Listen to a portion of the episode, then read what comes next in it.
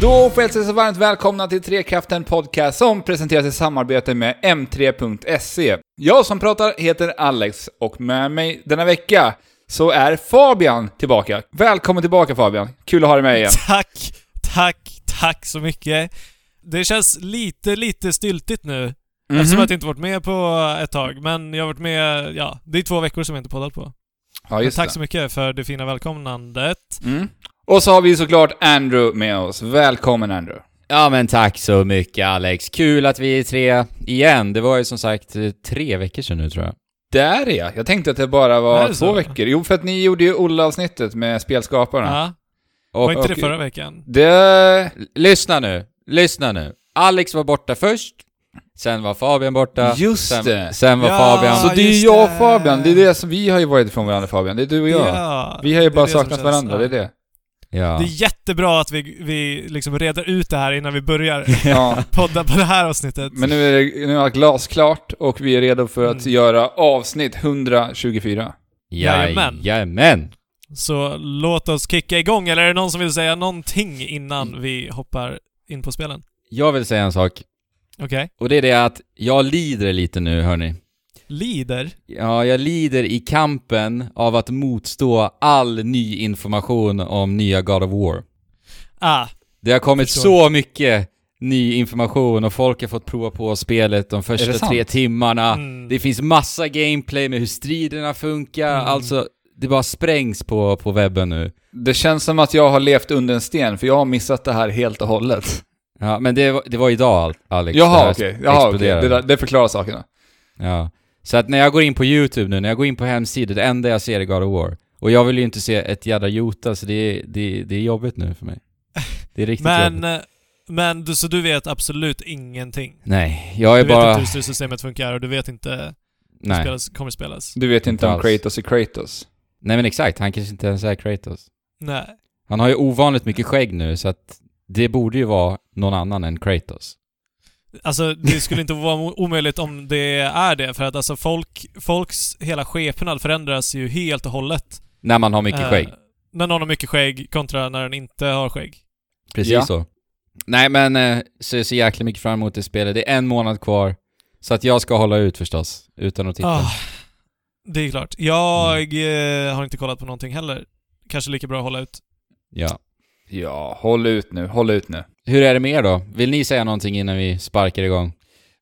Det är ju så här att det vanliga livet man lever erbjuder ju inte speciellt mycket roliga och intressanta saker. Utan det roliga som vi har att prata om är ju liksom spelen. Det är väldigt sällan det händer Ja. stora saker. Eller lever du något sånt här riktigt spektakulärt liv Fabian? Där det, där det liksom händer mängder av saker i det verkliga livet som du Ja, vill dela med dig utav eller?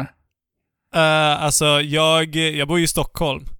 Ja. Så att alltså när jag åkte hem från pendeln här om eh, helgen så var det en eh, jättegammal gubbe som var jätte, jättefull och han, han höll på att skratta typ så här och var jättejobbig. Och först så såg man på alla som satt i pendeln att att de, de var jätteirriterade, helt enkelt. Ni vet, som svenskar kan vara så här, rynka på näsan och bara vad fan håller han på med? Mm. Mm.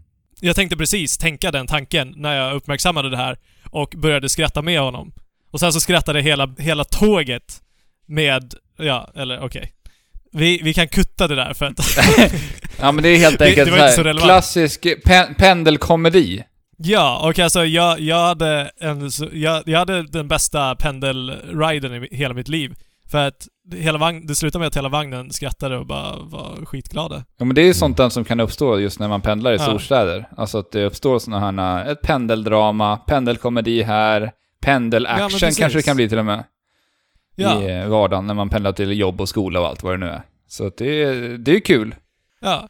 När du sa pendel action, då fick jag upp eh, den här Spiderman-scenen i huvudet. När Mm. Spiderman räddar pendel, pendeln där i Spiderman 1 eller 2 var det va? Ja, Ja just det, med ja det. Ja, med spindelnätet. Det finns ju ett- också den här scenen ifrån, vad heter det, Wolverine, den filmen han är i Japan. När han sitter på Aha. de här höghastighetstågen. Kommer ni Okej. ihåg den här scenen? Alltså den filmen... Ja, den har är jag, fruktansvärt dålig. Ja. jag har inga minnen av den alls. Jag om kommer ska bara ihåg vara att den ärlig. där scenen var så otroligt löjlig. När han eh, sitter på ett, så här, klättrar runt på ett höghastighetståg i Japan. Och, Mm. eh, ja, jag vet inte, det var riktigt risig film alltså.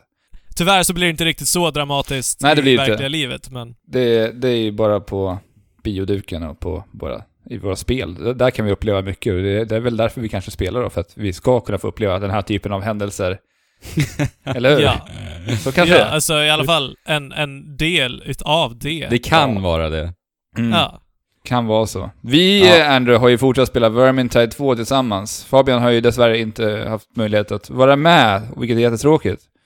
Nej men jag har spelat lite så att jag liksom förstår lite vad spelet är. Men Mm. eh, ni kanske kan, eh, kan eh, berätta för mig hur det blir lite senare. Alltså, vi pratade faktiskt väldigt mycket mer än vad vi trodde om det här spelet förra veckan. Mm. Ja, Eh, okej. Så vi har nog Så gått... jag kanske ska lyssna på eh, min egen podcast istället. Ja, lite Från förra så. veckan. Nej men alltså, Ja. vi gick väl igenom det mesta om spelet då Alex, visst gjorde vi det? Ja, men vi gick igenom ganska mycket. Det var väl lite frågetecken kring eh, just eh, vapnena som jag... Jag vet, vet att jag pratade om det, att jag visste inte ifall alla klasser hade olika vapen, för det kändes som att vapnen var väldigt lika. Men det har vi Ja. fått svar på, att alla klasser har ju olika vapen anpassade för deras klasser. Mm. Så det, det är utrett nu. Så nu kan vi säga Ja, det. men- Så är det. Okej. Men beror det på, på liksom vilken karaktär du öppnar lådorna med? Lootboxarna? Ja. Som Ja. du erhåller vapnen i? Ja. Precis. Så att du måste samla på dig lootboxes och sen så köra den klassen som du vill ha vapen med Mm. eh, och öppna lådorna? Ja, Ja, precis. Okej. För kortfattat så är det så att, de som inte hörde förra veckans avs- avsnitt, så är det så att i Vermintide 2 så spelar man uppdrag där du samlar på dig böcker som heter Tomes, Grimoires, som är en annan typ av bok som, eh, som är lite mer riskabel att plocka upp för den kapar nämligen ert liv. Mm. Till, jag tror den första kapar typ en fjärdedel, femtedel en kanske? tredjedel. En Ja, en tredjedel. Ja. Och eh, så det blir lite spela på risk and reward då. Men man vill ju såklart plocka på sig så mycket som möjligt så att man kan maxlevla sin lootbox så att man i slutändan av matchen kan få en riktigt, riktigt fin utdelning. ja. Mm. Men då blir det bara till den klassen som du, som du frågade Fabian. Men det här har vi ju Okej. faktiskt luskat vidare i lite jag och Andrew, hur det här funkar. För det finns ett, det finns ett crafting-system. Och det, det löser faktiskt grejer med att du inte behöver börja om från början med din karaktär. Med nya, när du säger att du, om du vill byta klass till exempel. Ah, Så har du möjlighet då att melda ner olika föremål så att de kan bli material. okej. Och då kan du säga, ja men jag gillade det där svärdet med den där klassen, så nu kan jag använda de här delarna för att crafta ett vapen. Och det Mm. vapnet baseras på det som heter... Är det Hero Level det heter, eller Power Level? Hero, hero power. Ja, för att det, Hero Power Level är något som levlas upp utav trinkets, charms och necklaces, vapen Rustningar. ru- Ja. och uh, range-vapnena.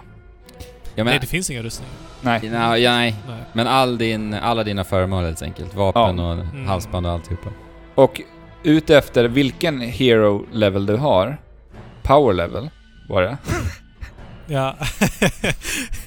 Förvirrande nu. Ja, Utifrån den power levelen du har så blir också vapnen du craftar baserade på den, helt enkelt. mm. Mm. Och det gör ju det hela mycket enklare att liksom börja spela på en ny klass. Jo, men samtidigt måste du ju fortfarande ändå börja från, från botten så att säga och kämpa dig upp. Trots att du ändå kan få nya vapen. Men då Mm. är den ändå baserad på den power levelen som är ändå ganska låg såklart när du Ja. börjar på en ny karaktär. Men, men din hero level är liksom, det, det som du levlar, det som du får lootboxes av att levela upp och grejer. eh, den är konstant. Vänta nu, nu förstod jag inte. Nej men du, du levlar ju upp en, en Du levlar upp klasserna. level. Nej, det? nej, det är bara Nej. Nej, klasserna. det är klasserna Ja. som man levelar upp var för sig. Okej. Precis. Klassen är Ja, leveln. men då gör det ju sens. Så man får ju välja sin favorit lite ändå, eh, har jag märkt. Men hur mycket måste man melda ner? Måste du ha liksom 20 grejer för att få ett, Nej, en del eller? det är ganska Ja. generöst Ja, alltså, faktiskt. Ja. och lite tur i det också skulle jag säga. Att få rätt Ja. grejer. Alltså, vi kan väl snabbt bara säga också för de som inte är med på Vermintide, det är ett kooperativt eh, Left 4 Dead osande multiplayer-spel. Eller inte multiplayer-spel. det är ett kooperativt. Men Spel. mycket fokus på melee-strider.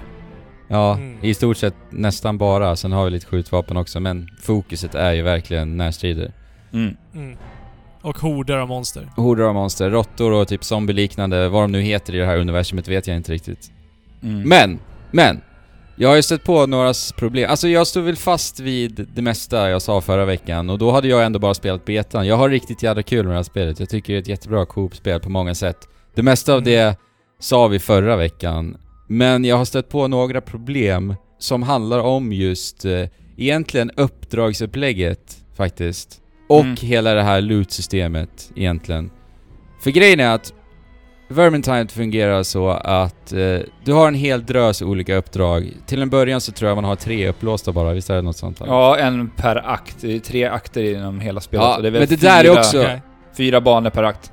Men att det ens finns akter för mig, jag har ingen aning om det för att spelet gör ett så jäkla dåligt jobb att berätta att det ens finns några akter. Så att, att det är akter det handlar om bryr jag mig inte om. För Mm. mig är det bara en hel drös olika uppdrag. Ja. eh, Alltså det, det, det tycker jag är väldigt synd också för att menar, jag är inte insatt i Warhammer, men jag hör väldigt många som säger att Warhammer har ett gediget universum med mycket lore att hämta av och det finns rätt mycket intressant att plocka av där också. ja, det har Ja. hållit på hur länge som helst. ja, det är Mm. ingen, ingen talan, talan om något sånt överhuvudtaget. Alltså, Nej. Så som jag spelar spelet. Alltså jag får inte någon berättelse i mitt ansikte presenterad på något Nej. sätt. Nej, alltså det enda berättandet som jag liksom hinner plocka upp, det är ju liksom av de här otroligt eh, hä- häftiga och varierade miljöerna man spelar i. Mm. Alltså de är väldigt, Mm. det sprudlar ju av identitet på de här olika platserna som man faktiskt besöker. Det är jättebra, alltså nivådesignen är helt fantastisk. Allt ifrån så här medeltid, eh, storstad som är lokaliserad i massiva bergssluttningar som också under banans gång rasar samman rent utav och den tyckte jag var riktigt häftig. Sen ibland är det typ öppna änger in till en bondgård och så slåss vi mitt under en vacker solnedgång vid horisonten och sånt där. Mm. Så nivådesignen är verkligen supervarierande och väldigt, väldigt vacker. väldigt rå ibland också förstås. ibland Mm. så kan det vara något grottsystem där det är bara råttor som härjar i, i, i alla dess slag. Men de är ju också väldigt, väldigt bra uppbyggda, alltså geometriskt. För att man får ju liksom utnyttja omgivningarna till sin egen fördel i striderna. Alex, då tänker jag till exempel på hur vi eh, lokaliserar en stege och sen så klättrar vi upp på stegen och använder oss av den här höga höjden till våran fördel. Ja. För att när vi är på en högre höjd, då måste ju då alltså de här horderna av råttor och zombies klättra upp. Och då är det ju en klättringsanimation, så då tar vi ju det, då utnyttjar vi den animationen så att vi har mer tid att eh, veva ner de här rackarna. Och så ställer man sig bara och vevar ner mot stegen när de försöker ta sig upp. Och Ja. allt bara faller ner. Precis, och då kan, det kan också vara gränder man hittar. Och då trycker man gärna sig in i gränder för att liksom kapa av eh, potentiella överraskningar bakom dig. Förstår ni vad jag Mm. menar? Mm. Det där har vi använt oss väldigt mycket utav. Alltså hela tiden ha en som i alla fall kollar bakom en hela tiden. Mm. Alltså hela tiden Ja. hålla koll åt alla, alla håll. För vi Ja. har ju gått upp till... Vi har ju gått upp och spelat på veteran nu. För det finns, Ja. vad är det? Fyra olika svårighetsgrader. Och det här är Ja. också något som baseras på den, den här hero leveln då. Så när du kommer upp till 200, då kan du börja spela veteran. Och där, där märker man ju att det blir ju...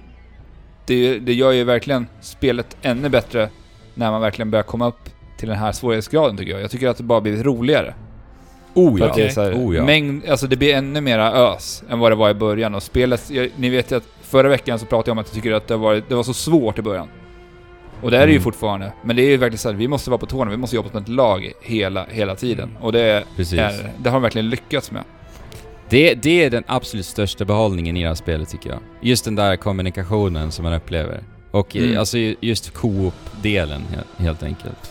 Och Mm. det är ju, det är ju tillräckligt kul gameplay. Men i stort så är det ju ändå just det kooperativa elementet som gör att det är så kul som det ändå är liksom. Mm. Mm.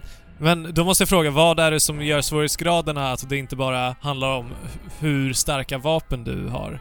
Det är ju typ det. För, för att det, det är det det handlar om. Ja. Jag upplever och det, det, i alla känns inte bara nötigt och repetitivt. Jo, det gör det. Jo. Det är ett väldigt, väldigt repetitivt spel. Ja, okej. Och Men det är liksom inte det som är behållningen Nej. i spelet. Så att jag gillar verkligen det att man får liksom utnyttja sig utav geometrin i omgivningarna. För att alltså det är ju... Det sämsta du kan göra är att stå på en öppen plats. Alltså då är det ju typ kört nästan. Nej det är ju inte det men... Det är liksom väldigt, väldigt, väldigt jobbigt för er. Om ni står på en öppen plats och så kommer det horder runt omkring er och omringar er liksom. Vi hade en sån här bra match, jag tror det var igår, där jag och Andrew hade blivit nersänkta. Och det var just på en sån här stor öppen plats, så vi började prata om bara, äh, men ska vi stänga ner nu? Vi ligger här och väntar och kvider och Ja. vi är ändå döda. Jaha. Och då är det en, en, vi spelar med en dvärg då, som liksom hade under hela den här matchen inte presterat överhuvudtaget. Mm. Okej. Alltså Andrew gick och gnällde på honom, bara vad gör den där jävla dvärgen? Men sen Okej. när alla är ner, sen åker den tredje utav oss ner. Dvärgen står ensam och jag och Andrew vi bara alltså, nu är det kört, nu Ja. vi ur. Mm. Men det är ju, det är ju så i det här spelet. Är det en kvar, då är det ju typ kört.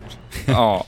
Men den här jävla dvärgen, han snappar upp och bara plöjer ner allt som kommer in. Och sen går han och räddar alla tre. Okej. Och Andrew kommenterar att du skriver Superdwarf. Ja, hero. ja, Sen Ja, klarade det var- vi uppdraget. Vi klarade uppdraget faktiskt. ja det, var, det var riktigt häftigt alltså. Att se Ja. det, Fantastiskt. den soloinsatsen. Ja. Men eh, jag vet att du Andrew har ju pratat om en sak som du har stört rätt, rätt mycket på just i Vermintide och det är det här när du pratar om de här uh, storyläget att, som man ska ta sig igenom då. Vi har ju de här olika akterna och de här olika banorna som är så himla... De är så himla intressanta att upptäcka och vi har ju inte ens spelat alla banor ännu. Nej, vilket vi borde ha gjort. Jag, jag inledde ju mitt prat nu med att jag skulle berätta om problemen jag har med spelet. Sen så började jag prata om saker som ändå är positiva. Ja. Men eh, precis, det är det. Alltså, vi borde ha upplevt hela spelet redan Alex. För att jag har ju Mm. spelat kanske en 15 timmar skulle jag gissa, något sånt nu. Mm, Och- ja, jag vill och- någonstans också. Ja, och vi har ju spelat alltså uppdrag på uppdrag, jag vet inte, säkert en eh, 20, mellan 20-30 uppdrag totalt. Och det är, säg, jag tror det är 16, mellan 15-20 uppdrag totalt i spelet, så då borde jag ju ha betat av alla. Men nu kommer jag till det problemet jag har med det här spelet, det är det att hela, hela det här loot-systemet är ju kretsat kring att du ska levla upp den här loot-lådan. Och en komponent i hur du levlar upp den här loot-lådan är att du spelar i quick play. Mm. Och när du spelar Okej. i quick play, då kan du inte välja bana. Då blir det en helt slumpmässig bana. Okej. Och jag har spelat alltså samma bana säkert 5-6 gånger. Och tre banor har jag gjort, spelat säkert 5-6 gånger. För att jag vill ju ha den där extra eh, erfarenhetspoängerna till den här lootlådan för att jag vill ha en bättre utdelning när jag får min belöning, Mm. när banan är klar. Alltså, det där är ju ett sjukt konstigt designval. För det är som att spelet säger till dig att du ska spela spelet i quick play. I och med att Ja. de har en, vad heter det, en boost till den Ja. här lootboxen. Ja. Mm. När, att du får liksom, att den levlar upp lootboxen av att spela quick play, vilket är väldigt konstigt designval. Ja, jag, Ja. jag tycker att spelet ger ett sånt speligt intryck då. För det är så här: välkommen till Vermintide, börja grinda för tusan. Och sen är det bara det vi ska göra genom hela spelet. ja. Ja, det- känns klassiskt på något sätt. Jag Ja. vet, jag, jag gillar Jag- inte det alls. Men, men eh, när du kör quick play så kan du bara köra banor som du har klarat Det verkar eller? inte så. Det verkar som att det är Nej. helt slumpmässigt. Eller Alex? Jaha, så att du skulle Alltså- kunna spela sista banan första gången Alltså du jag vet inte om det är så, eller om det är de banor som man faktiskt har låst upp. Nej, För att jag, har ju vet inte. fortfarande, jag har ju bara låst upp de första banorna i de träden som jag har, eller de här aktträden då. Så jag har bara låst upp Mm. de Mhm. första banorna. Så att jag har ju några som fortfarande är låsta, så jag tror inte att jag har spelat någon som inte som jag inte låst upp ännu. Jag är lite osäker, för jag, Ja. jag, har i alla fall, jag har i alla fall hoppat in i banor som jag aldrig har sett tidigare sådär. Ja men då Så jag kanske vet- det är så. Jag vet, att inte. du har ju spelat lite mer quickplay solo och så här, hoppat in och testat lite grann. Ja, precis. Så att alltså det, det är ju redan repetitivt för att det är en grind och fiendevariation finns det inte att prata om. Det, det är väldigt, väldigt få fiender. Mhm. Det är också ett litet minus och jag menar, när jag hoppar in i quickplay sen så får jag spela då en bana jag redan har spelat fem gånger och jag har inte ens progresserat särskilt långt i spelet i övrigt heller. Det blir så här: nej. Det här är inte särskilt roligt. Jag vill ju gärna spela igenom banorna först. Alltså det är så spelet skulle ha gjort tycker jag. Att först får du spela igenom alla banor. Mm. Och sen... Och sen kommer man till någon typ av endgame. Ja, exakt. För det känns som att endgamet är direkt i det här spelet. Ja. För att sen kan ju den där quick play-bonusen komma, när du har klarat Mm. alla banor. Ja. Och sen hade de kunnat haft någon slags lootbox-system då inför eh, just när man tar sig igenom första... För, alltså när man tar sig igenom spelet första gången också. Så att man får någon slags belöning för det också. Mm. Mm. Ja, precis. Det, det hade gjort det mycket bättre, tycker jag också. För att jag Ja. vill ju uppleva alla de här världarna, för jag, jag tycker Exakt. att många, många platser är ju så sjukt välgjorda. Och man vill Mm. ju se alla. Men sen så här, ja men Andrew, du kan ju spela, du behöver ju inte spela quick play. Nej, men de gångerna jag inte gör det, alltså jag har ju inte alltid ett, ett lag på fyra att spela med. Så de gångerna vi har gjort det Alex, när det har fyllts upp med slumpmässiga människor där ute, de Ja. kan ju inte spelet, de är ju värdelösa, de dör ju direkt. Ja, Så- ja men det är som får- att de som spelar spelet, de, de kör quick play. Exakt, de kör quick play, de som är duktiga på spelet. Mm. Så att även om jag vill spela custom games så upplever jag att jag får inte en njutbar upplevelse för att de som hoppar in i mitt spel då är värdelösa. Mm. Ja. Så att ja, uppdragsupplägget har jag problem med. Faktiskt. Ja, det låter inte helt komplett. Nej, och också, jag gillar kanske inte riktigt det här loot-systemet heller. Alltså just för att jag har ingen kontroll över vad jag får i utdelning. Det är bara, Nej, det är bara slumpmässigt, 100%. Det är Destiny-grinden liksom. Ja. Det är väl delvis där du har i craftingen då sen. För det har, där vet jag att man kan ju göra ganska så mycket med sina vapen och det man faktiskt craftar. Mm. Jo men det är ju fortfarande slumpmässigt vad du får. Det är ju liksom... Det ja, kan alltså du du, du, kan ju bestämma att vilket typ av vapen du vill crafta. Ja, Sen det kan hur man. det Ja. vapnet kommer, vad det kommer ha för skills och så vidare. Det kommer ju vara slumpvalt. Ja, exakt. Men sen kan du ju... Det finns ju andra skills som kan göra... Eller en annan crafting-funktion som gör att du kan typ re-rolla dina skills på vapnen också. Mm. Så det finns lite möjligheter i just crafting-delen som man kan Ja. pilla lite mer med. Men jag, jag tycker också så här, alltså rent, eh, alltså karaktärsprogressionen i stort. Jag saknar faktiskt lite också en, en eh, tydlig visuell presentation, representation av just progressionen på min karaktär. Jag tänker till exempel på talents. Det är som eh, speciella färdigheter vi låser upp. Och det kan vara passiva och aktiva förmågor typ. Och ett exempel jag kan dra då är en talent jag fick som gör att jag kan göra en dash, en ännu längre dash. Jag kan göra en dash med min karaktär jag spelar. Jag kan göra en ännu längre dash. Och när jag då hoppar in i ett spel och ska prova på den här nya förmågan, jag, jag känner liksom inte riktigt att yes, jag har utvecklats nu. Ja, Jag hade velat se att man lägger till någonting visuellt för att få en att känna att man faktiskt gör en progression som en karaktär Ja. också. Ja, men sådana saker kan vara så kraftfullt och bara vara den där lilla grädden på moset. Ja. Ett litet blått sken kanske hade räckt eh, efter min Ja. dash liksom. Jag vet inte. sen, sen är det ju den där saken som jag... Som vi... Jag pratade lite om förra veckan också. Det är det här äh, med utseendena på sina Ja. karaktärer. Och även Det- vapnena faktiskt. Mm, det är ganska Det då, tråkig variation på dem också. Nu har inte jag Ja. låst upp ett enda legendary vapen så jag vet inte riktigt hur de kommer se. Man, man Nej. kanske sprängs för att de är så coola sen. Jag vet inte. Ja men precis, det kan vara så. Men, men det känns som att, alltså alla vapen, för det finns ju en drös olika vapen du kan ha som alla karakt- i alla karaktärsklasser. Men det känns ju som att alla vapen har ett satt skin. mm. Så, har jag, så har jag upplevt det. Så det finns ju inte olika varianter av ett specifikt vapen med en specifik karaktär. Utan det är ett satt skin och sen är det bara siffrorna som förändras. Ja, okej. Lite trist också det, faktiskt. Men jag vet inte, jag, är, jag har inte känt av en progression efter 15 spelade timmar drygt då. Mm. Och speciellt med tanke på att jag också sen höjde svårighetsgraden. Som vi sa, vi började på recruit och sen så körde vi upp det till veteran. Då känns det nästan igen som att man är tillbaka på ruta ett lite. När man då Mm. höjde svårighetsgraden. Men med det här sagt, kommer du fortsätta spela? Kommer du känna att... Känner du att den här progression... Eh, frånvaron av känslan av progression är eh, nog för dig att liksom säga hejdå till Nej. spelet? Jag tycker det är kul, alltså när jag är på en bana, vi är fyra i laget, vi har den här kommunikationen. Då är det jäkligt roligt fortfarande. Mm. Ja, ja, det är ju verkligen där spelet skiner. Och jag, jag tycker att det är jätteroligt och det, det är ett sånt här spel som ändå bara kan plocka upp lite när som och bara dra ett par Ja, exakt. matcher liksom. Ja. Det funkar väldigt bra att spela på det sättet också, tycker jag. Mm. Jo, verkligen. Jag skulle ju faktiskt vilja uppleva alla banor. De är så vackra de här miljöerna som sagt va. Alltså vi har ju funderat på att göra det flera gånger. Men i slutskedet har det ju varit just du Andrew som har sagt nej, nej, men vi kör quick play. Bara för att du vill ha den där extra bonusen till lootboxen. ja men och kompetenta medspelare för tusan. ja. Ja. Eh, Ja, men, eh, ja. Men en sak skulle jag också önska lite mer av. Det kanske är lite mer genomtänkta kooperativa element. Alltså, de, Ja. de skulle kunna göra så mycket mer än att bara att det blir en kommunikation om var fiender dyker upp och sådär va. Det finns så mycket att göra. Jag tänker på den här vagnen exempelvis Alex. I uppdraget där, när dvärgen var eh, den där hjälten. Då är det ju en vagn vi, vi lägger ner lite så här explosiva tunnor i och sen så ska vi putta den här vagnen till en plats att eh, spränga upp va.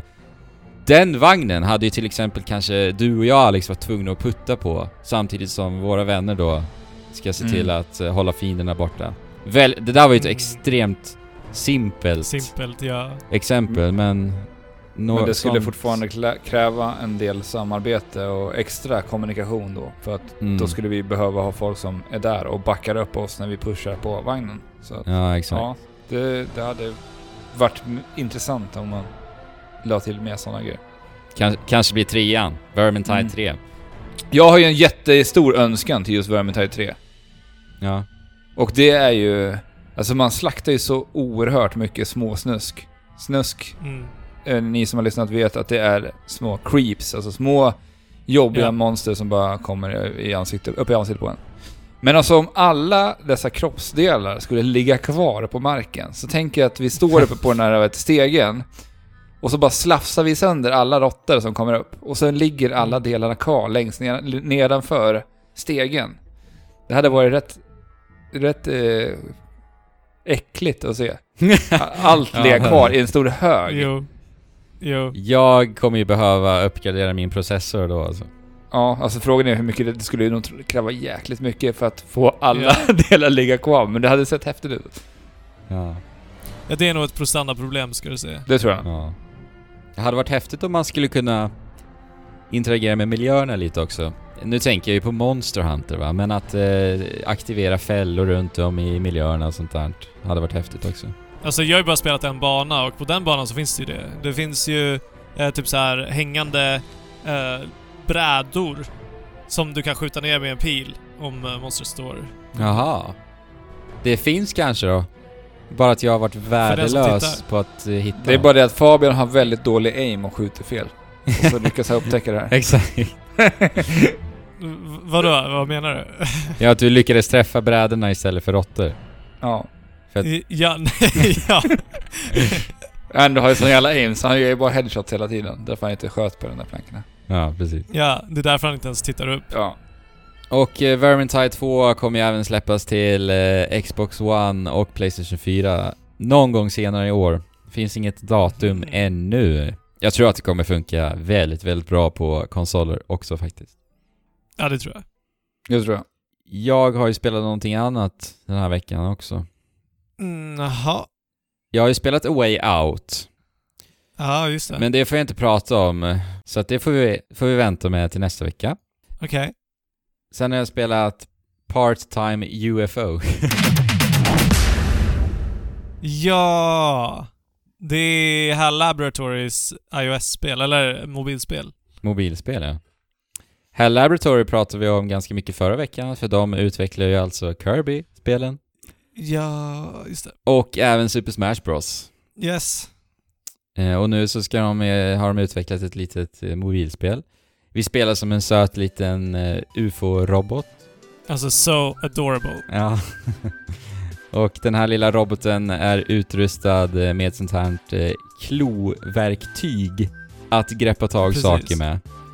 Ni vet eh, som i de här inom situationstecken spelen som man kan finna på typ nöjesparker. Ja men med Du- en klo. Ja, du slänger in lite mynt i en maskin och sen så får du styra runt den här robotklon, fånga tag i någon eh, belöning innanför den här glasburen. Ja, Och ofta så är det så här superfina priser som är totalt omöjliga att greppa. ja. Ni har väl säkert provat på det här när ni var små också? Ja, jo, det, Mm. det, det, det har vi. Jag har förstått det som att det här är superstort i Japan. Alltså, såna här maskiner. Ja, sådana här maskiner. Ja, men jag tror nog att det kan vara det. För att alltså, arkadgrejer och sånt är ju sto stort i stort Ja, i Japan. i Japan. Jag vet att jag har sett mycket videos från Japan, från olika sådana här typ spelhallar. Där Ja, jag har sett just sådana här maskiner. Eller hur? Ja, typ gallerier har jag, känner jag på mig att jag har sett mycket att de finns Det här också. har ju säkert Thomas Engström stenkoll på som driver vår systerpodd eh, Monsterpepp. Mm. Så han, han får helt enkelt svara på det här sen. Ja men det tycker Ja. jag han får göra. Eh, absolut. Så att det är väl inte helt knasigt då att det är en japansk spelstudio som gör det här mobilspelet då kanske. Nej. Nej. Nej, definitivt inte. Du styr i alla fall med hjälp av en digital spak och en knapp för att då höja och sänka den här klon på den här lilla gullroboten. Ja. Och det går ut på att eh, arbeta åt folk, därav namnet egentligen då. Part-time worker, helt enkelt va? Ja, just det. Såklart. Men roboten jobbar bara deltid då eller? Vad gör han resten av tiden? Jag antar det. Ja. Eh, Det, det förtäljer väl inte spelet riktigt då? Det, det framgår inte i storyn eller? Om vad... Nej, det gör inte det. Han har ju liksom 50% Ja. tid. Ja. Minst. Eller jag vet inte. Det är kanske det tiden det kräver för att roboten ska ladda upp då. Ja, det, så kan det vara För faktiskt. att om man ska flyga runt en hel dag, det drar nog rätt mycket batterier. Ja. Vi säger att han går på batteri och laddar upp sig själv resterande tid. Ja. Men eh, ja, vi arbetar med hjälp av kloverktyget på helt eh, sjukt bisarra sätt. Det kan vara att eh, plocka upp kossor Mm. på en pickupbil åt en bonde och sen kan det vara en liten extra bonus att du ska skicka med kornas bajs för att få lite extra poäng. Mm. I like that. Och det- kan vara bygga upp en förfallen artefakt på ett museum, Ja. stapla cheerleaders för att nå en viss höjd och massa knasigheter. Ja. Och allt det här är ju fysikbaserat, så det handlar ju om att eh, försiktigt Vara stapla, noga. stapla och balansera all, Ja. alla de här knasigheterna. Och eh, det här ger faktiskt det hela en eh, så här härligt riskabel spänning. När jag tänker liksom så här. Hmm, kan jag placera den här här? Och sen så får man hoppas på att man har räknat ut alla föremåls tyngd rätt och så vidare Ja. just den biten träder väl eh, som tydligast fram i varje uppdrags små extrautmaningar. För att alla uppdrag har då Okej. tre medaljer att erhålla. Och, Okej. och det är lite ytterligare utmaningar. Spelet ger dig endast en liten ledtråd i form av en bild vad det är du ska tänkas göra för att klara Mm. av, av de här extrautmaningarna. Så... eh, Det gillar jag också. Ja men precis, jag gillar det också. Till exempel då bonden jag pratade om, att vi ska plocka upp kossor på hans pickupbil. Då, Ja. då kunde det exempelvis vara en bild på bara bajset. Att det är bonusen du får då. Okej. Då får du då helt, själv helt enkelt utforska och leta lite, vad kan den där bajset betyda?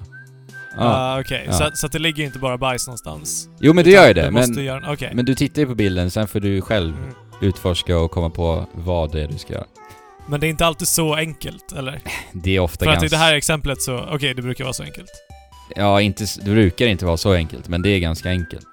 Ah, okej. Ja.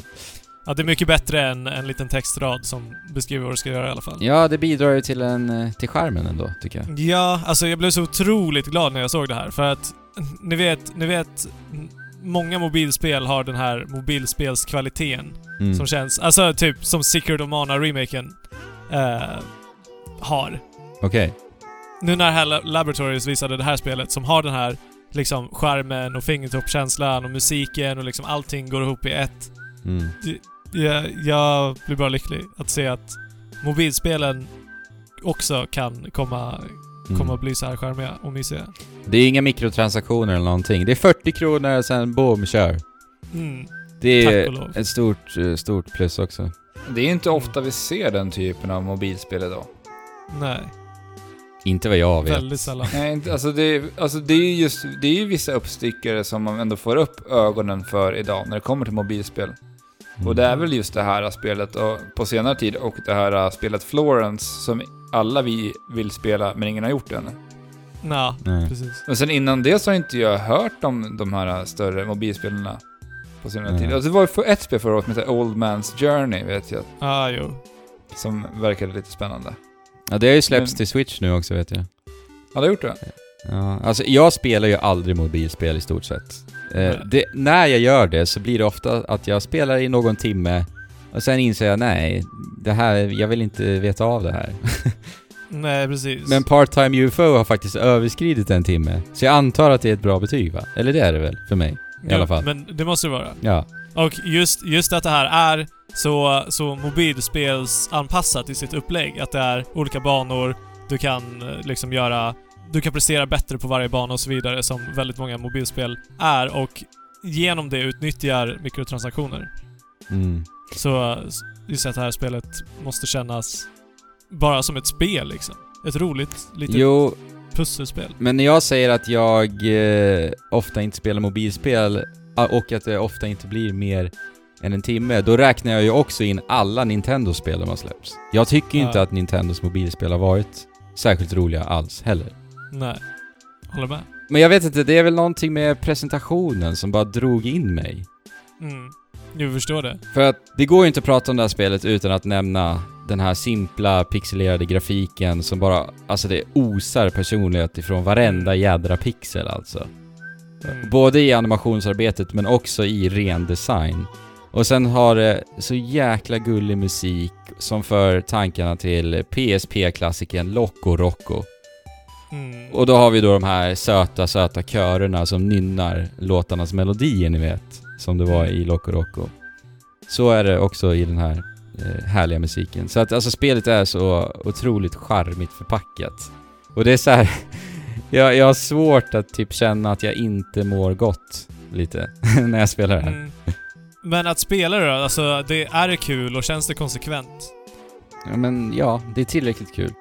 Det är tillräckligt kul. Ja. Men det är inte så här att du sitter helt fastklistrad för att det... Nej, absolut Nej. inte. och är det gör inte toalettbesökerna väldigt mycket längre.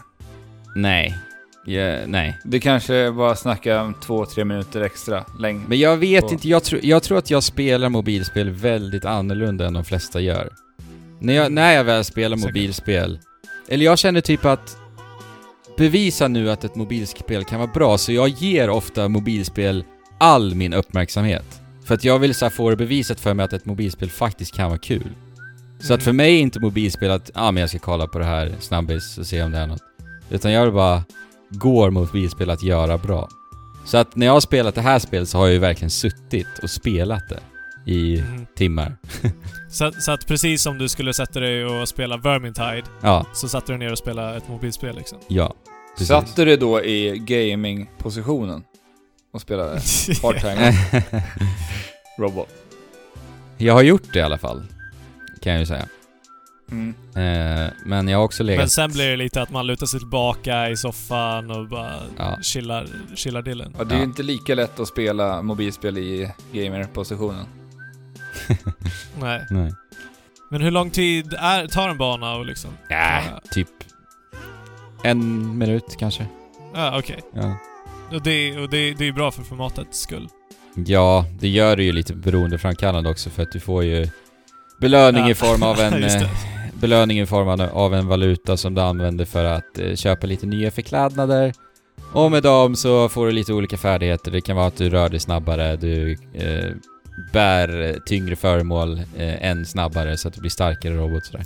Ja, okej. så att du måste grinda upp det för att kunna klara de svåra banorna? Nej, de är jättegenerösa med valutan. Ja, okej. Så det är bara pang poff, köra. Jag tycker att det är ett otroligt charmigt, väldigt intuitivt, småkul, litet Mm. mobilspel. Så tillsammans med eh, Monument Valley skulle jag vilja säga att det här är det mobilspelet som jag har funnit mest underhå- underhållningsvärde i faktiskt. Någonsin? med Monument Valley, sa med. Ja. Mm. Men jag har inte som sagt spelat särskilt många. Men! Nej. Nintendos titlar Nej. är ju inräknade där i alla fall. Också. Mm. ja men eh, jag har inte blivit mindre sugen på det efter att ha hört dig prata. Nej. Någon gång ska jag försöka infskaffa det. Mm.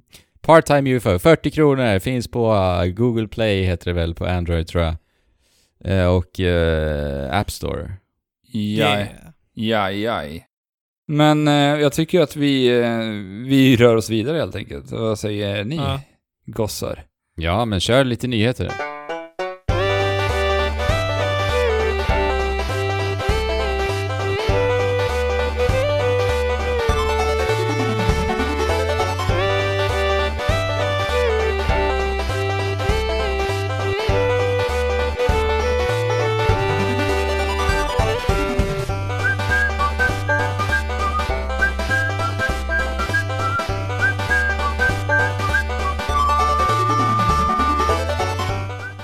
Monster Hunter hade ju en sån special, eller säga Capcom hade ju en sån specialsändning om Monster Hunter World här i förra veckan. Mm. Jajamän. Capcom satt och lirade lite Monster Hunter, de presenterade lite framtidsplaner för Monster Hunter World och liknande. Men vi behöver inte prata om det här, vet ni vad vi gör? Vi lämnar över det här till eh, våran systerpodd Monster Pep. Vill ni höra mer Monster Hunter World? Lyssna på Monster Pep för tusan. Mm. Ja. Do it. Förstod ni vad vi gjorde där nu? Vi gjorde alltså reklam för Monster Pep inbakat Ja. i en nyhet. Ja. Mm. Perfekt. Ja. ja. Det är ju riktigt, riktigt snyggt gjort faktiskt. Ja, Ja. Alltså applåder Ja. tack tack. till oss. Länk, länk till Monster Pep hittar ni i beskrivningen. Japp! har vi blivit den podden som liksom har reklam mitt, mitt i? Försöker så här eh, baka in det. Tydligen. Ja. Shadow of the Tomb Raider har visats nu i veckan också. Just det. alltså gud vilka trista namn de har på Tomb Raider. Jag bara kommer att tänka på det nu. Generiska, trista namn. Rise of the Tomb Raider, Shadow of the Tomb Raider. Ja. Shadow of the Colossus. Ja, Det finns ju redan. ja det Så gör kör det. de, de, de tar ju namnet, det är ju copy-paste. Alltså, ni vet, ni vet det där med scrolls och grejer, eh, att The Elder Scrolls, eller vad heter det, Bethesda stämde Mm. eh, scrolls, alltså, vad heter de, Mo, Mo, Mojang. Mojangs eh, kortspel. Ja. Det, här, borde, här borde ju eh, Shadow of the Colossus stämma, stämma Square Enix. Ja. ja. det I så borde fall. Om det är så det funkar. Och så borde ju då, jag vet inte, är det Warner Bros som eh, ligger bakom Planet of the Apes? Det tror jag nog att det är, va? Mm. Ja, för de har ju en film som heter Rise of the Planet of the Apes. Så det är ju... Ja. Just det. Så att eh, Tomb Raider, det blir förmodligen deras sista spel för att de kommer bli stämda från höger och vänster. Troligtvis. Det, ja. Kommer köra ekonomin Eller i inte. botten. Ja. Men eh, de släppte en liten teaser-trailer nu i alla fall då, i veckan. Vi fick se Lara eh, springa och smyga i lite djunglar. Så fick vi se en solförmörkelse och under denna solförmörkelse så var det typ ett, en, eh, vad heter det, Maya-pyramid vi fick se lite i förbifarten Ja. där också. Alltså det ser ju väldigt snyggt ut. Men alltså det är en teaser. Teaser. Teaser. Väldigt intetsägande. Den här teaser-trailern utannonserar ändå datum för en trailer också. Det gör den också. Ja, 20, 27 april tror jag att det, Ja. de, sk- de ska Vänta, visa. är det en trailer som de har... Nej, det här är en teaser Var det det du sa? Teaser-trailer? Eller vadå? Va, var det en... Nej, alltså spelet kommer väl eh, i september i år? Ja, 14 september Ja. kommer spelet, tj- Ah. 27 april så ska Kommer de visa... Nej, Ah, nej okej. jag vet inte om det är trailer, men de ska visa det mer i alla fall då. Okej. Eh, spelsekvenser, rent av. Jag blev lite rädd där om teasern var bara för den större trailern senare Ja, det har ju skett förut i spelbranschen att man har gjort teasers för att det ska komma en trailer. Vilket är så jäkla konstigt. Så jäkla weird. Ja men det är ju typ det de gör nu, egentligen. Ja, det är det ju. Fan vad vi pratar mycket om den här lilla teasern alltså. Ja men vadå, Nintendo har ju ändå gjort det en hel del också senast. Bayonetta 3 var ju samma, det, Super, Ja, Super ja. Smash Bros nu senast samma. Jo men alltså, eller vadå? När, när man släpper en teaser så är det väl ändå underförstått att det är en trailer som man väntar på, liksom som nästa steg. Ja, Men ja. att man utannonserar en trailer i en teaser. Ja, du menar så ja. Ja, det är sant. Ja. Ja, det är lite märkligt ja. Jo. Det är lite weird. Ja. att det är ett specifikt datum till och med. Ja. Ja, jo, jo men nu är jag Look med. forward to this day. Ja, det har ju inte Nintendo gjort, så nej.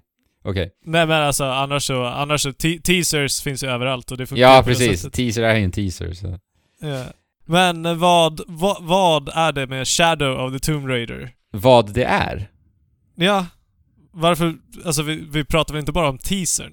Ja, alltså, Eller? det intressanta jag kunde ta med mig från den här teasern, det var ju att vi fick bekräftat det för oss att det är Eidos Montreal som utvecklar spelet nu. Eidos Montreal är de som har utvecklat Deus Ex Human Revolution och Deus Ex Mankind Divided etc. etc. Så att det är de- extremt och- kompetent studio bakom det här. Det, det är det. Och tidigare så har det varit Crystal Dy- Dynamics, det är båda spelen som de har Ja, utvecklat. men de utvecklar ju istället nu det här Avengers-spelet ju. Mm. Så att de har lämnat över det till Eidos. Det är länge sedan de utannonserade. Det var ju Game Awards för, inte förra året, året innan. Ja, men något sånt. Två år sedan säkert. Något sånt. Och inte fått sett någonting mer av det. De borde ju passa på att visa upp mer av det här nu när den här stora finalen i Avengers eller vad säger jag, Marvels cinematiska universum snart. När eh, infaller det då? Ja, vad är det? Det är inte långt kvar nu. Ja, det är en månad, Midsommar. en månad. Nej, Är det? alltså nya Marvel-filmen släpps ju 25 april. Ja, det är det. Ja, ja. Alltså nya, alltså Avengers, Ja, ja. Infinity War. Den har Ja. premiär 25 april. känns som men att då borde eh, de- det borde ju passa på att försöka få ut en trailer till det datumet. Ja, eller kort därefter Ja. någonstans. Mm. Men eh, å andra Ja. sidan, AAA-spel, vi märker ju att det tar bara längre och längre tid att göra nu för tiden. Så att man kan Ja. aldrig riktigt... Så att det kanske inte ens är närheten av färdigt. Nej. Men kan vi förvänta oss att Shadow of the Tomb Raider kommer vara väsensskilt från de tidigare delarna? Nej. Eftersom att det är Det- en helt annan studio. Nej, jag tror inte det. Jag tror att de eh, kämpar ganska hårt med att eh, bevara vad eh, Tomb Raider och Rise of the Tomb Raider gjorde med den här serien. För att den har ju ändå gått och blivit än mer älskad egentligen sen dess. Alltså, om jag får önska någonting, jag spelade ju, vad heter det, Human Revolution spelade jag. mm. Och eh, om jag får önska så skulle jag ju gärna vilja se att de tar med sig det här grejen med att man kan lösa olika uppdrag på olika sätt. Ja, För det är någonting som är väldigt häftigt med, med Deus Ex, att du har så mycket möjligheter i hur Ja. du vill ta dig an olika uppdrag och hur du kan lösa situationer. Så skulle Precis. man kunna göra sånt i Tomb Raider så skulle det ändå tillföra någonting extra ja, till ett äventyrsspel som Tomb Raider. Alltså det var väl det jag menade med om det kommer liksom utvecklas på ett helt annat sätt. jag tror inte att det kommer utvecklas på ett helt annat sätt, men jag tror däremot att de kommer injicera lite av deras egna DNA Alltså det, in det i det här. hoppas jag. Ja, Det kan ju, alltså Ja, det, men det behövs, jag också. det behövs ju förnyas. Alltså Tomb Raider, ja visst det är ett, eh, det är ett bra actionspel. mm. Men det, det kan ju göra så mycket mera om de bara skulle våga. Mm. Ja. Det är en trilogi, så att som sagt, de kommer ju vilja, och förmodligen kanske lite behöva med deras publisher, att bevara vad det är. essensen Ja. av Tomb Raider. Precis, Mm. men, men samtidigt så hoppas jag ju såklart att de faktiskt gör någonting lite eget också. För att äh, det är just det du sa också Alex, som jag tänker på skulle kunna bli intressant. Och det jag tycker om med den typen av spel, alltså immersive sim-spel som Deus Ex, eh, som Prey och allt vad det är. Det är ju också att du kan ju skräddarsy din eh, karaktärsprogression mot din egna spelstil. Alltså sånt skulle de också lite light kunna implementera i Tomb Raider. Ja. Men eh, ja, vi får se. Ja, alltså jag tycker att det känns som att det hade funkat bra i Tomb Raider-spelet också. Ja, men jag alltså tror med det. ett eh, sånt, eh, sånt skill tree som, där man kan välja lite och skräddarsy sin... De har ju det lite. De har ju Ja. det lite, men om man kan utveckla det kanske lite mer än, än så. Ja, Mm. vi får eh, vänta på vi- tills eh, nästa, nästa Ja. trailer eller nästa gång vi får se. Ja, ja, ja. Pilbågen har hon med sig i alla fall och även de här ishackorna verkar hon eh, hålla fast vid. Yes, men det är ju lite Lara Signum numera, är det inte det? Ja, det- Istället för eh, dubbla pistoler. Det har ju Men blivit det är kanske därifrån det börjar, för det här är väl ändå en origin story till Lara? Att hon Ja. håller två ishackor som sedan blir två stycken pistoler. Ja, ja. precis. ja, men slutade inte andra spelet med att hon tog upp två, eller första spelet? Fråga inte mig. När hon tog upp två pistoler? Jo, men det, jo jag har för mig det? Något utav spelarna gjorde de det. De plockade upp två Ja. pistoler. Och sen så Eller skrek hur? alla av, av hype. Bara, yes! Två handguns. Ja, Jo, jag vill... Lara, Lara is complete, Ja. liksom. Ja. Ja, men hon kommer ju ha dubbla handguns i det här spelet. Hon måste ju ha det. Om det är sista spelet. Det måste hon. Ja, men då är det dags för Andrews spektakulära E3-nyheter. Jag lämnar över ordet till dig, Andrew. Andrews extraordinära E3-pepp. Microsoft har gått ut med sina E3-planer för detta år och de slår på stortrumman med att berätta för oss att det här kommer att bli deras största E3 någonsin. Så allt Xbox som presskonferenser, som för övrigt kommer att äga rum den 10 juni, Xbox-fester, speltester, allt sånt kommer att inträffa avskilt i Microsoft Theater-byggnaden som då ligger ett stenkast ifrån E3s resterande mässhallar så de är alltså inte tillsammans med alla andra i år. Har ni några kommentarer? Kaxigt! Ja. är min första tanke. Att så här, eh, nu, nu tar de eh, nästa steg och liksom tar ett helt annat hus och exkluderar sig från E3 för att de... Alltså, de måste ju ha någonting riktigt, riktigt fett att säga. Det här skedde ju förra året också med EA som gjorde samma sak. Ja, då, Ah, nej, okej. men det var nog till och med året innan det. Men ja, precis. Nej men då. det var förra året när de hade det här uh, influencerfesten där allting gick pannkaka. Det var ju förra året. Jo, men EA det- Play har de, har de haft ett ganska bra Ja, tag. ja okej. Ja, Ja. okej. Men ja, precis som EA Play gör. Så snart, om några år så kommer alltså E3-mässan stå där tom med några ynka indiespelsutvecklare som står där och eh, Och sorgset eh, inte får några besökare för att alla är på de här exklusiva festeventerna som typ alla utveckl- stora utvecklare kommer hålla. Men grejen är Mm. att Microsoft Theater, där eh, Microsoft kommer att hålla, hålla hus i år, är ju som sagt väldigt, väldigt nära resterande mässa. Till, till skillnad Aha. ifrån EA, för det är en, ännu längre bort. Du måste åka en bit. Mm. Eh, Men alltså, och- heter byggnaden Microsoft Ja, Theater? och den är mycket... Har de byggt den? Och liksom, Jag har ingen aning det- Fabian. Då, den är i alla fall mycket större än vad eh, platsen de har befunnit sig på tidigare år. Så att det här De kommer kanske vara... har- Det här kommer ju vara deras största E3 har de gått ut och sagt va? Spännande! De Mm. kanske, kommer, Alltså- de kanske betalar för att få det här namnet under den här perioden på E3. Nej, de det tror bara jag döper om den för perioden. Nej, nej, nej, nej. Det är helt och så. Nej, det låter jätte... Ja, för det, vara det vet jag att de gjorde det som marknadsföringssyfte när jag var i New York, när sista, sista säsongen utav Mad Men hade premiär. Så hade de alltså namngivit gator efter den här tv-serien, som en marknadsföringsgrej. Jaha. Så hela gator var namngivna efter den här serien, vilket var rätt eh, sjukt. Så Ja. att, eh, ja. Men det var, det var ju en PR-stunt. Ja, det var det. Men, men eh, Microsoft har ju varit väldigt tydliga med att vi är fortfarande en del av E3. För jag antar att E3 Ja. skulle ju inte gå med på att låta dem Nej. ha sitt egna Nej, av, precis. avskilda liksom. Så att eh, de kommer fortfarande marknadsföra det som att de är på E E3. Jag menar, de måste ju också anpassa sig efter alla andra presskonferenser och grejer. Ja. Annars så kommer de, alltså... Det vore dumt annars. Shit vad spännande alltså. Jag, som ni som har lyssnat på den här podden eh, länge vet så har jag lite tittat ner på Microsoft. För, eller tittat ner. Jag har inte haft någon anledning att liksom ha en Xbox överhuvudtaget. Men nu hoppas jag att de ska blåsa mig av stolen och när de säger så här så vill jag tro på dem. Du, du sätter upp, det sätter upp stora förväntningar för dig. Det gör Sen det. får vi se om det här bara är PR-babbel va, men det... Ja. Alltså Ja, men jag, de är ju bra på sitt PR-babbel ja. och sina överdrifter. Mm. jag tittade lite, jag har tänkt lite på det här, om man tittar på vad Microsoft faktiskt kommer med nu här i år. De släpper Sea of Thieves här i, idag. Ja. Idag måndag när vi spelar in, så det är ute nu när det här avsnittet är släppt. Och eh, även State of Decay som kommer snart, som också är ett typ co-op-spel. Det är ändå två Ja. spel som kan bli ganska så populära till den stora mässan. Definitivt.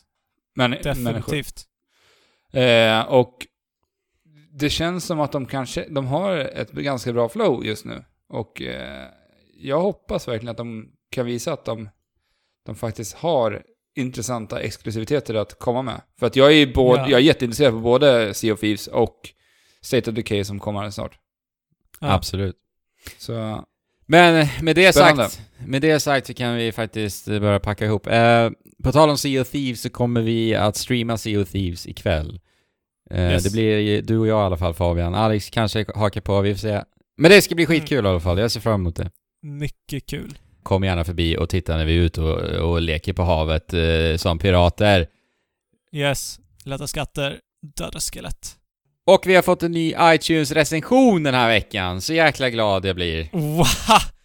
Eh, Okej. Och den här kommer ifrån eh, Vanheden, understreck Vanheden, eller Vanheden. Vanheden är det. Van- det. Alltså, Vanheden lär det vara. Ja, har för- du inte sett?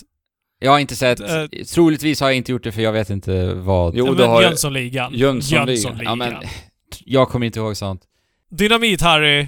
Sickan. Stickan. Sickan. Det, det enda jag kommer ihåg utav Jönssonligan, det är just eh, Dynamit-Harry. Ja. bara det- ja, han lämnar ett stort intryck. Ja. Eh, rubriken lyder kvalitetspodd och han ger oss fem utav fem stjärnor och han Oj, skriver Har lyssnat på varje avsnitt sista året och det är bara att lyfta på hatten. Oavbrutet intressant, engagerande, initierat och eftertänksamt. Mycket bra tempo i avsnitten utan sådana utdragna partier av ingenting som ibland präglar poddar. Jag har letat Mm. efter andra svenska spelpoddar att fylla ut tiden med utan större framgångar. Trekraften håller P1-klass. Nej men, Man tackar så mycket Ja. Vanheden. Fina ord det är bara att göra som det. du klämmer ur dig Mm. i textform. Alltså helt Ja. otroligt fina. Det här kan ju låta som att jag rent av ljuger, men när jag läste den här första gången så började det faktiskt trycka lite bakom mina ögon och eh, kände mig väldigt varm om hjärtat. Nej, det, det är superfina ord och tack. Jag, jag vet inte vad jag ska säga. Mer än tack. Nej. Tack så hjärtligt! Vanheden. Och oss kan man nå på uh, trekraften.net, klicka er vidare till kontakt så ser ni vart vi befinner oss på sociala medier där ute. Trekraften podd exempelvis på Instagram. Och vi finns även på m3.se numera. Discord-kanalen vill vi gärna hova in flera fina lyssnare till, så att kom gärna dit också. Länk i Mm. beskrivningen. Snyggt! Då fick du med allting, Andrew. Jajamän. Så med det sagt, spela på och chip Chula! Hopp!